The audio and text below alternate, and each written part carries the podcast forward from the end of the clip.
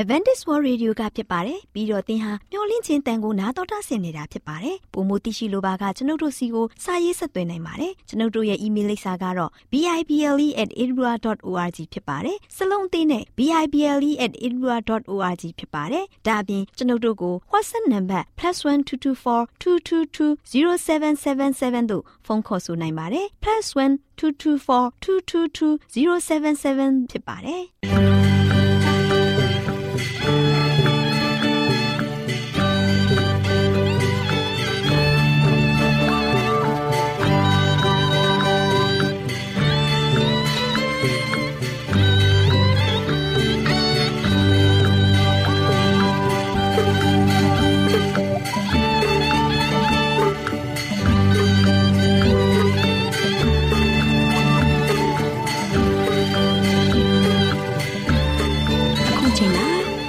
တော်ကိုမျော်လင့်သောတတ္တမနေ့အသင်းတော်ရဲ့ရေဒီယိုအစီအစဉ်ဖြစ်တဲ့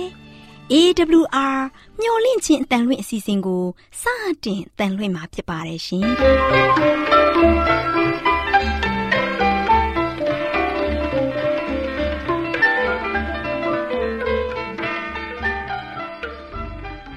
တော်တာရှင်များခင်ဗျာမျော်လင့်ခြင်းအတန်မြန်မာအစီအစဉ်ကိုနက်နက်6နိုင်မိနစ်30မှ9နာရီအထိ16မီတာ kHz 10653ညညပိုင်း9နာရီမှ9နာရီမိနစ်30အထိ16မီတာ kHz 19533ညမှနေ့စဉ်အတန်လှွင့်ပေးနေပါတယ်ခင်ဗျာ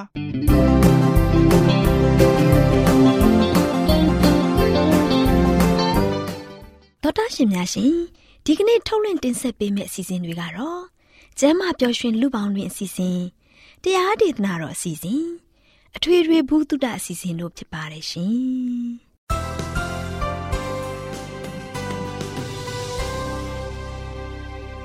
တော်တာရှင်များရှင်အာရောချံပရမလာဘန်ကျမ်းမာခြင်းသည်လူသားတိုင်းအတွက်အထူးအရေးဖြစ်ပါတယ်။ဒါကြောင့်ကိုရောစိတ်ပါကျမ်းမာရှင်လန်းစီဖို့ကျမ်းမာခြင်းသတင်းကောင်းကို တင်ဆက်ပေးလိုက်ပါတယ်ရှင်။ကျမ်းမာရေးလေးကတဲ့စီဇနာရှ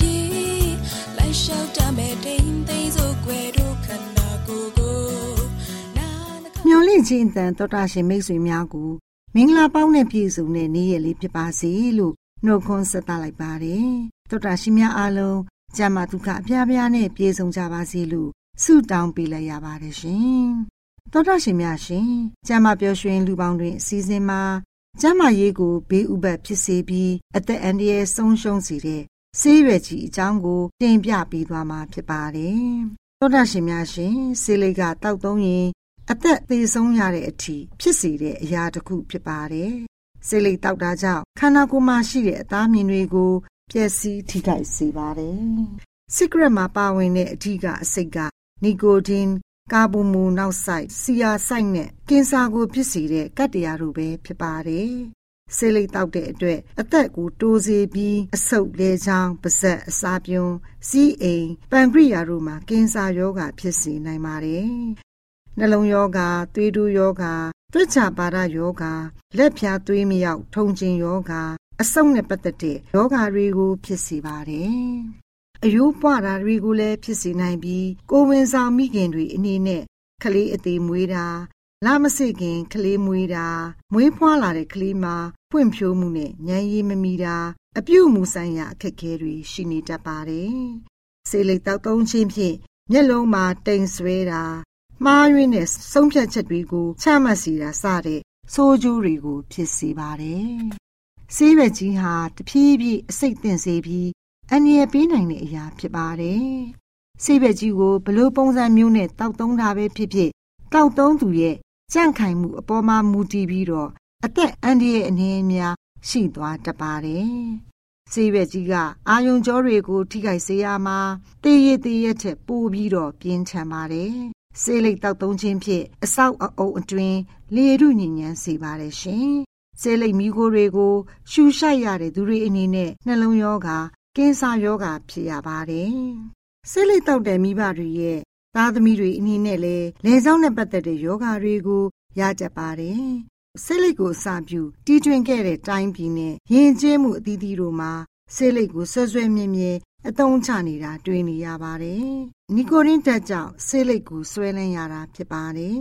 ။သောတာရှင်များရှင်ဆေးလိပ်ဖြတ်နေတဲ့သူတွေမှတွေ့ရတတ်တဲ့လက္ခဏာတွေကိုဖော်ပြပေးခြင်းပါတယ်။အဲ့ဒီလက္ခဏာတွေကတော့စိတ်ဆိုးလွယ်တာစိုးရိမ်တာအိပ်ပျော်ဖို့ခက်တာအာယုံထွေပြားတာဝမ်းချုပ်ဝမ်းလျှောတတ်တာနွမ်းနေတာခေါင်းကိုက်တာစိတ်အားလျော့တာဆေးလိပ်တောက်ခြင်းနဲ့စိတ်ပြင်းပြတာစတဲ့အချက်တွေပဲဖြစ်ပါတယ် ဆေးလိပ်ဖြတ်ဖို့ခက်ခဲရခြင်းရဲ့အကြောင်းရင်းကတော့ဘိန်းဖြူနဲ့အရက်ကဲသို့စိတ်ဆွဲလန်းမှုကိုဖြစ်စေတဲ့နီကိုတင်းဆေးလိပ်ကိုဖြတ်လိုက်စဉ်နီကိုတင်းမရတဲ့အတွက်ဖြစ်ပေါ်ခံစားလာရတဲ့ကတိကအောက်ဖြစ်မှုတွေစိတ်ဖိစီးမှုဖြစ်တဲ့အချိန်မှာ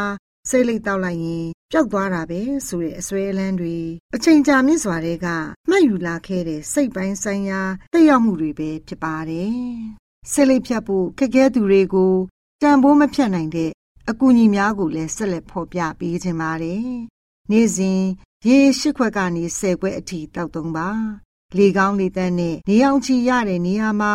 ကိုယ်ကာယလေ့ကျင့်ခန်းပြုလုပ်ပါလမ်းလျှောက်ပါအသက်ပြင်းပြင်းရှူရနဲ့တစ်သီးဝလံဟင်းသီးဟင်းရွက်ဆန်လုံးဒီအခွန်မာသီးအစီတွေကို စားပြီးပါအရက်နဲ့ကော်ပီတို့ကိုမတောက်ပါနဲ့လုံလောက်စွာအနားယူပါ ဖျားရှင်ထံတော်မှာဆုတောင်းပါသောတာရှင်မိတ်ဆွေများတို့ရှင်သောတာရှင်တို့အနေနဲ့ကျမ်းမာရေးကိုဘေးဥပတ်ဖြစ်စေပြီးအသက်အန္တရာယ်ဆုံးရှုံးစေတဲ့ဆေးရွက်ကြီးအကြောင်းကိုကြားသိရခြင်းအပြင်မိမိကိုဘေးဥပတ်ဖြစ်စေတဲ့အရာများကိုမသုံးဆွဲဖို့ရန်အတွက်တိုက်တွန်းအားပေးလိုက်ရပါတယ်။သောတာရှင်များအားလုံးကျမ်းမာရေးဒုက္ခအဖျားဖျားနဲ့ပြည့်စုံကြပါစေလို့ဆုတောင်းပေးလိုက်ရပါတယ်ရှင်။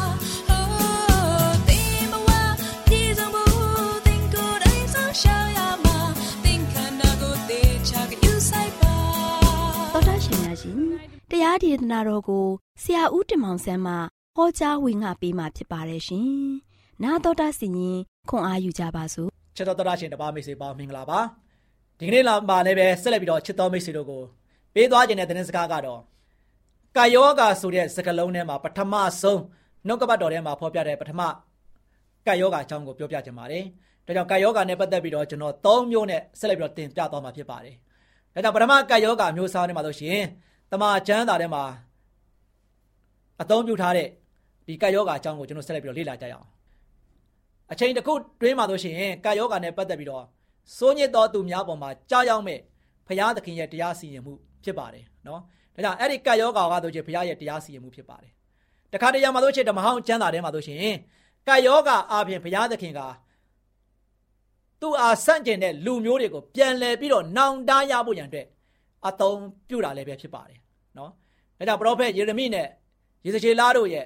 နော်ခေတ်မှာဆိုရှင်အဲ့ဒီကတ်ယောဂါဆိုတဲ့စကားလုံးကိုဖယားသခင်ရဲ့တရားစီရင်မှုနဲ့လိုက်လျောညီဆွေစွာ25ချိန်တိုင်တိုင်အသုံးပြုခဲ့တာကိုလည်းပဲတွေ့ရမှာဖြစ်ပါတယ်ချစ်တော်မိတ်ဆွေပေါင်းတို့သင်တို့နေဖြင့်ထိုအချင်းရောင်များများဟာဆိုရှင်ထိုးစမ်းနေတယ်လို့ထင်ကောင်းထင်နေပါလိမ့်မယ်တို့ပေမဲ့လည်းပဲဤပြည့်ကြီးပြည်ကြီးကို ပြန်လည်ပြီးတော့စဉ်းစားကြည့်ကြရအောင်အီဂျစ်နိုင်ငံမှာပေါ်ပေါက်လာကြားရောက်ခဲ့တဲ့ကတ်ယောဂါတွေဟာဆိုရှင်သူ့အလိုလျောက်တဘာဝအတိုင်းဖြစ်လာခြင်းဒါမှမဟုတ်ပဲနဲ့ဘုရားသခင်ကဆိုရှင်သူတို့လူမျိုးများအားကယ်ထုတ်ဖို့ရန်အတွက်ဘုရားသခင်သုံးပြုတဲ့တရားစီရင်ခြင်းလားချစ်တော်မိတ်ဆွေစဉ်းစားကြည့်အောင်အီဂျစ်ပြည်မှာဆိုရှင်ကတ်ယောဂါဘေးချိုးဘေးဆိုးချိုးကြီးဘေးဒဏ်ဆယ်ပါးကြားရောက်ခဲ့တဲ့ဟုတ်အဲ့ဒီကတ်ဘေးကြီးဆယ်ပါးမှာဆိုလို့ရှိရင်ဆယ်မျိုးစလုံးမှာ သူ့အလိုလျောက်ဒီတိုင်းပဲကြားရောက်လာခြင်းဖြစ်သလားဒါမှမဟုတ်လေဘုရားသခင်ကသူ့ရဲ့လူမျိုးများကိုကယ်ထုတ်ဖို့ရန်အတွက်ဘုရားသခင်အသုံးပြုခဲ့တဲ့တရားစီရင်ခြင်းမျိုးလားကျွန်တော်စဉ်းစားကြည့်ရအောင်ဘုရားသခင်ကချစ်ချင်းမေတ္တာအဖြစ်အီဂျစ်လူမျိုးများစီကိုဘုရားသခင်ကတတိပေးခြင်းများကိုထပ်ခါထပ်ခါပေးခဲ့ပါတယ်သူတို့ကဆိုရှင်ကရုဏာတရားချီးမားစွာဖြင့်ရောက်လာမဲ့ကဘေးအားရှောင်နိုင်ဖို့ရန်တရင်စကားကိုအကြိမ်ကြိမ်ပေးခဲ့ပါတယ်ဘုရားသခင်က သို့တော်လည်းပဲအဲ့ဒီအေချစ်လူမျိုးများဆိုရှင်ဘုရားသခင်ရဲ့ဖိတ်ခေါ်မှုကို စိတ်ပါလက်ပါနဲ့သူတို့ကပဲလေညင်းပယ်ခဲ့ကြတယ်အဲ့ဒီနောက်မှာဘုရားသခင်ရဲ့စီခြင်းတရားဟာဆိုရှင်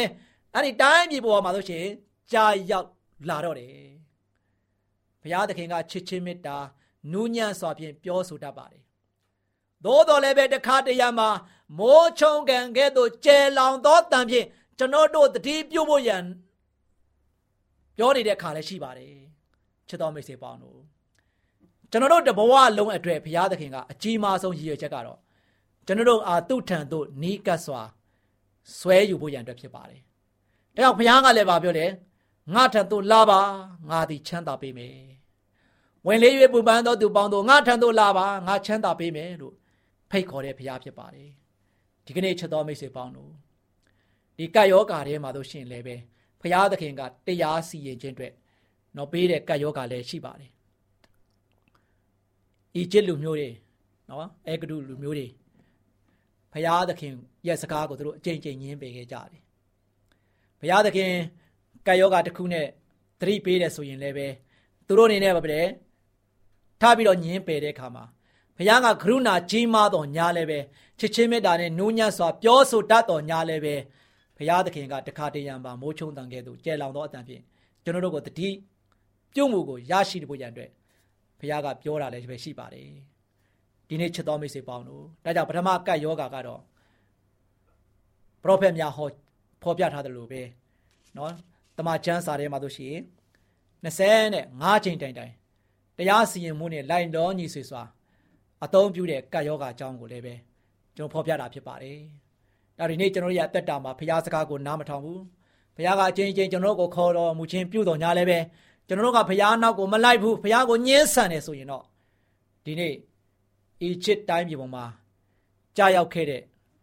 ကပ်ဘေးဆယ်ခုလိုပဲကျွန်တော်တို့ရဲ့တက်တာမှာလည်းပဲခံစားရမှာဖြစ်တယ်ဒီနေ့ချစ်တော်မိတ်ဆွေပေါင်းတို့ဒါကြောင့်ဒီနေ့ကျွန်တော်ရဲ့တက်တာက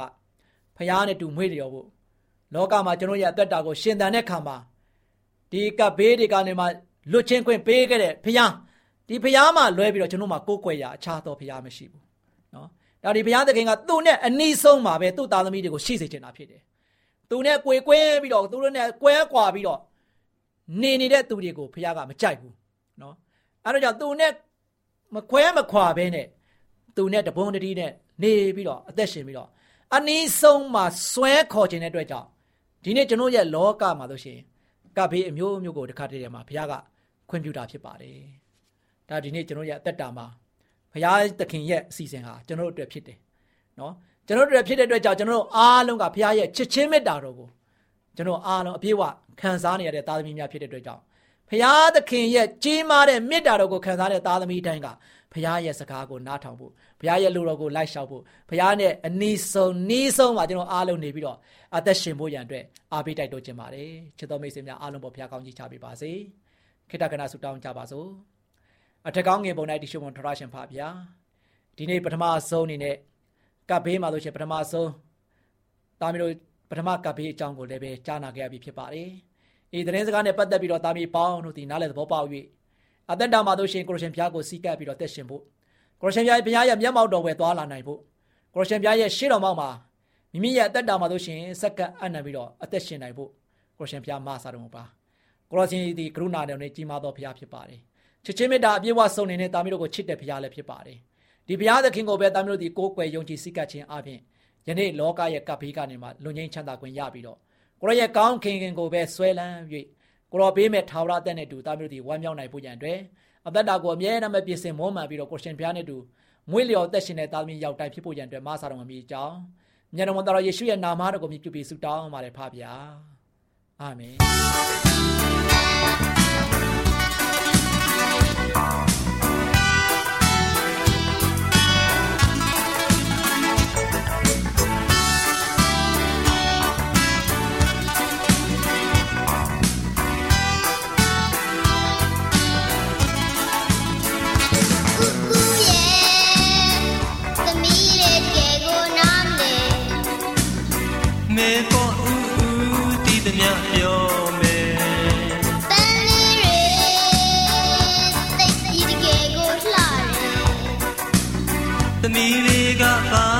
Yeah.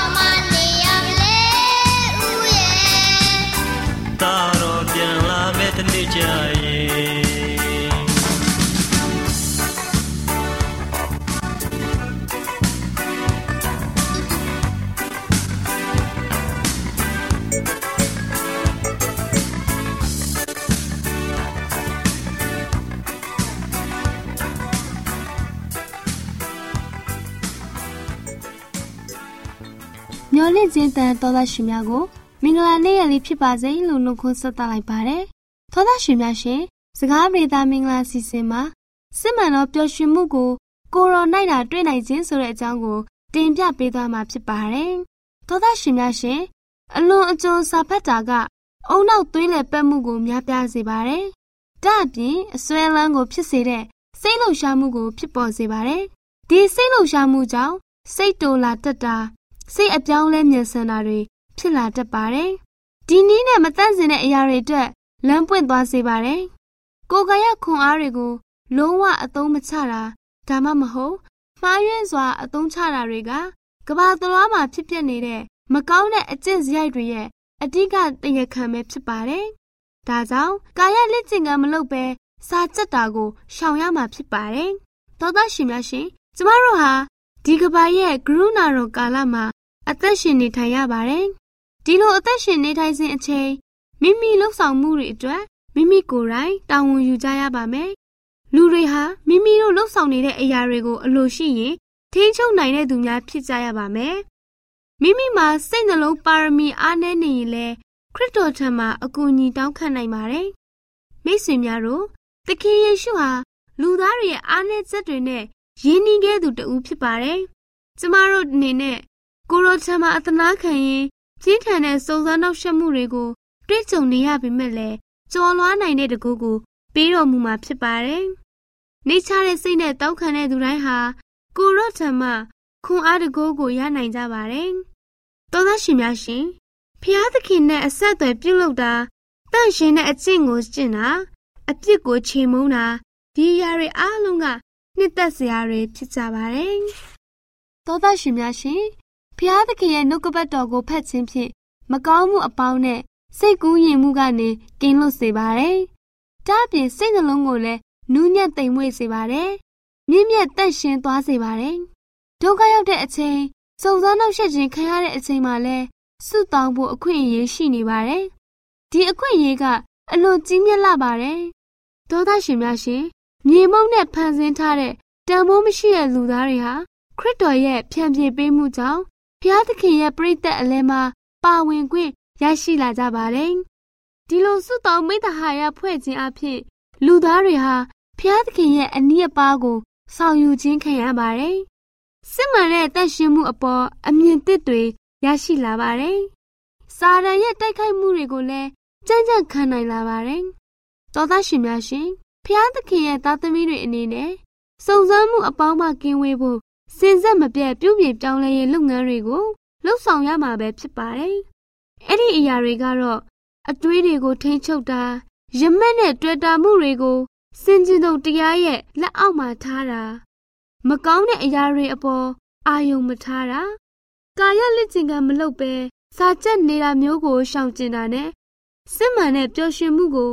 ကိုယ်တော်တွင်သာတွေ့နိုင်ပါတယ်။သောသားရှင်များအားလုံးလဲယခုဘဝမှာခံစားရမယ့် ကျမ်းမာရေးရဲ့တန်ဖိုးနဲ့နောက်တမလွန်ဘဝမှာရရှိမယ်ကယ်တင်ခြင်းစုကျေးဇူးကို အမွန်အမြတ်ထားကြပါစို့သောသားရှင်များအားလုံးကိုယ်စိတ်နှပြရှင်လန်းချမ်းမြေ့ကြပါစေလို့ဆုတောင်းပေးလိုက်ရပါတယ်ရှင်ကျေးဇူးတင်ပါတယ်ရှင်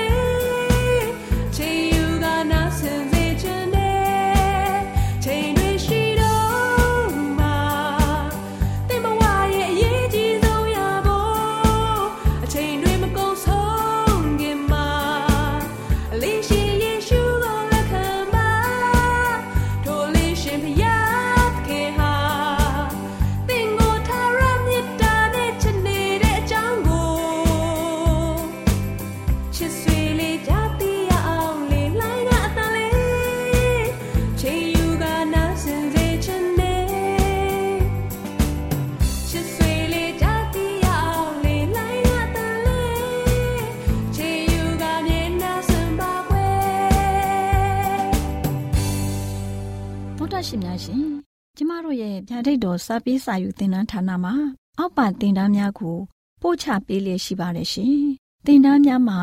စိတ်ဓာတ်ဒုက္ခရှာဖွေခြင်းခရစ်တော်၏အသက်တာနှင့်တုန်သင်ချက်များ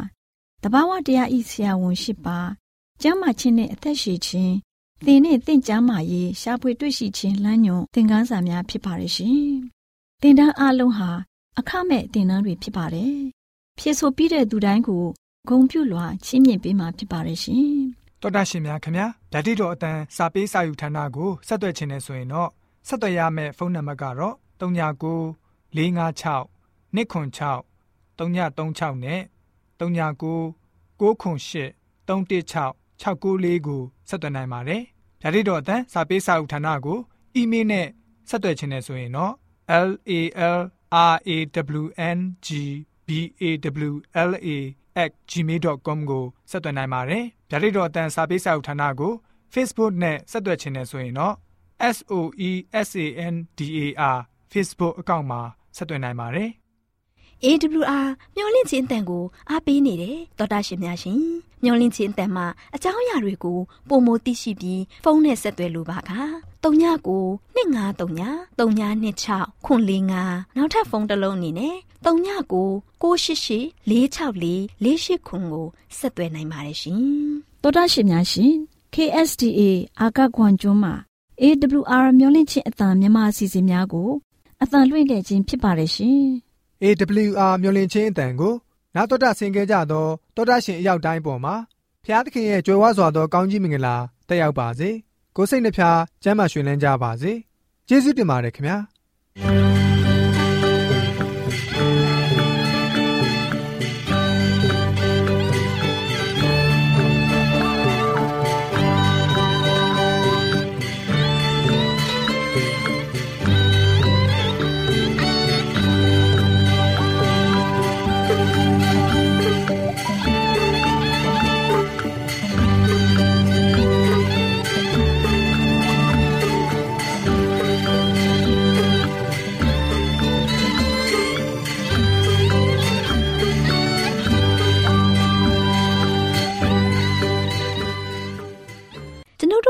စီအစဉ်များကိုနာတော်တာဆင်ရင်နှစ်သက်မယ်လို့မျှော်လင့်ပါတယ်မိတ်ဆွေအနေနဲ့လက်ဆောင်လေးတစ်ခုကိုရချင်နေဆိုရင်တော့ကျေးဇူးပြု၍ bible@awr.org သို့စာရေးပေးပါဒါမှမဟုတ်ကျွန်ုပ်တို့ကို WhatsApp နံပါတ် +1224 222 0777သို့ဖုန်းခေါ်ဆိုနိုင်ပါတယ်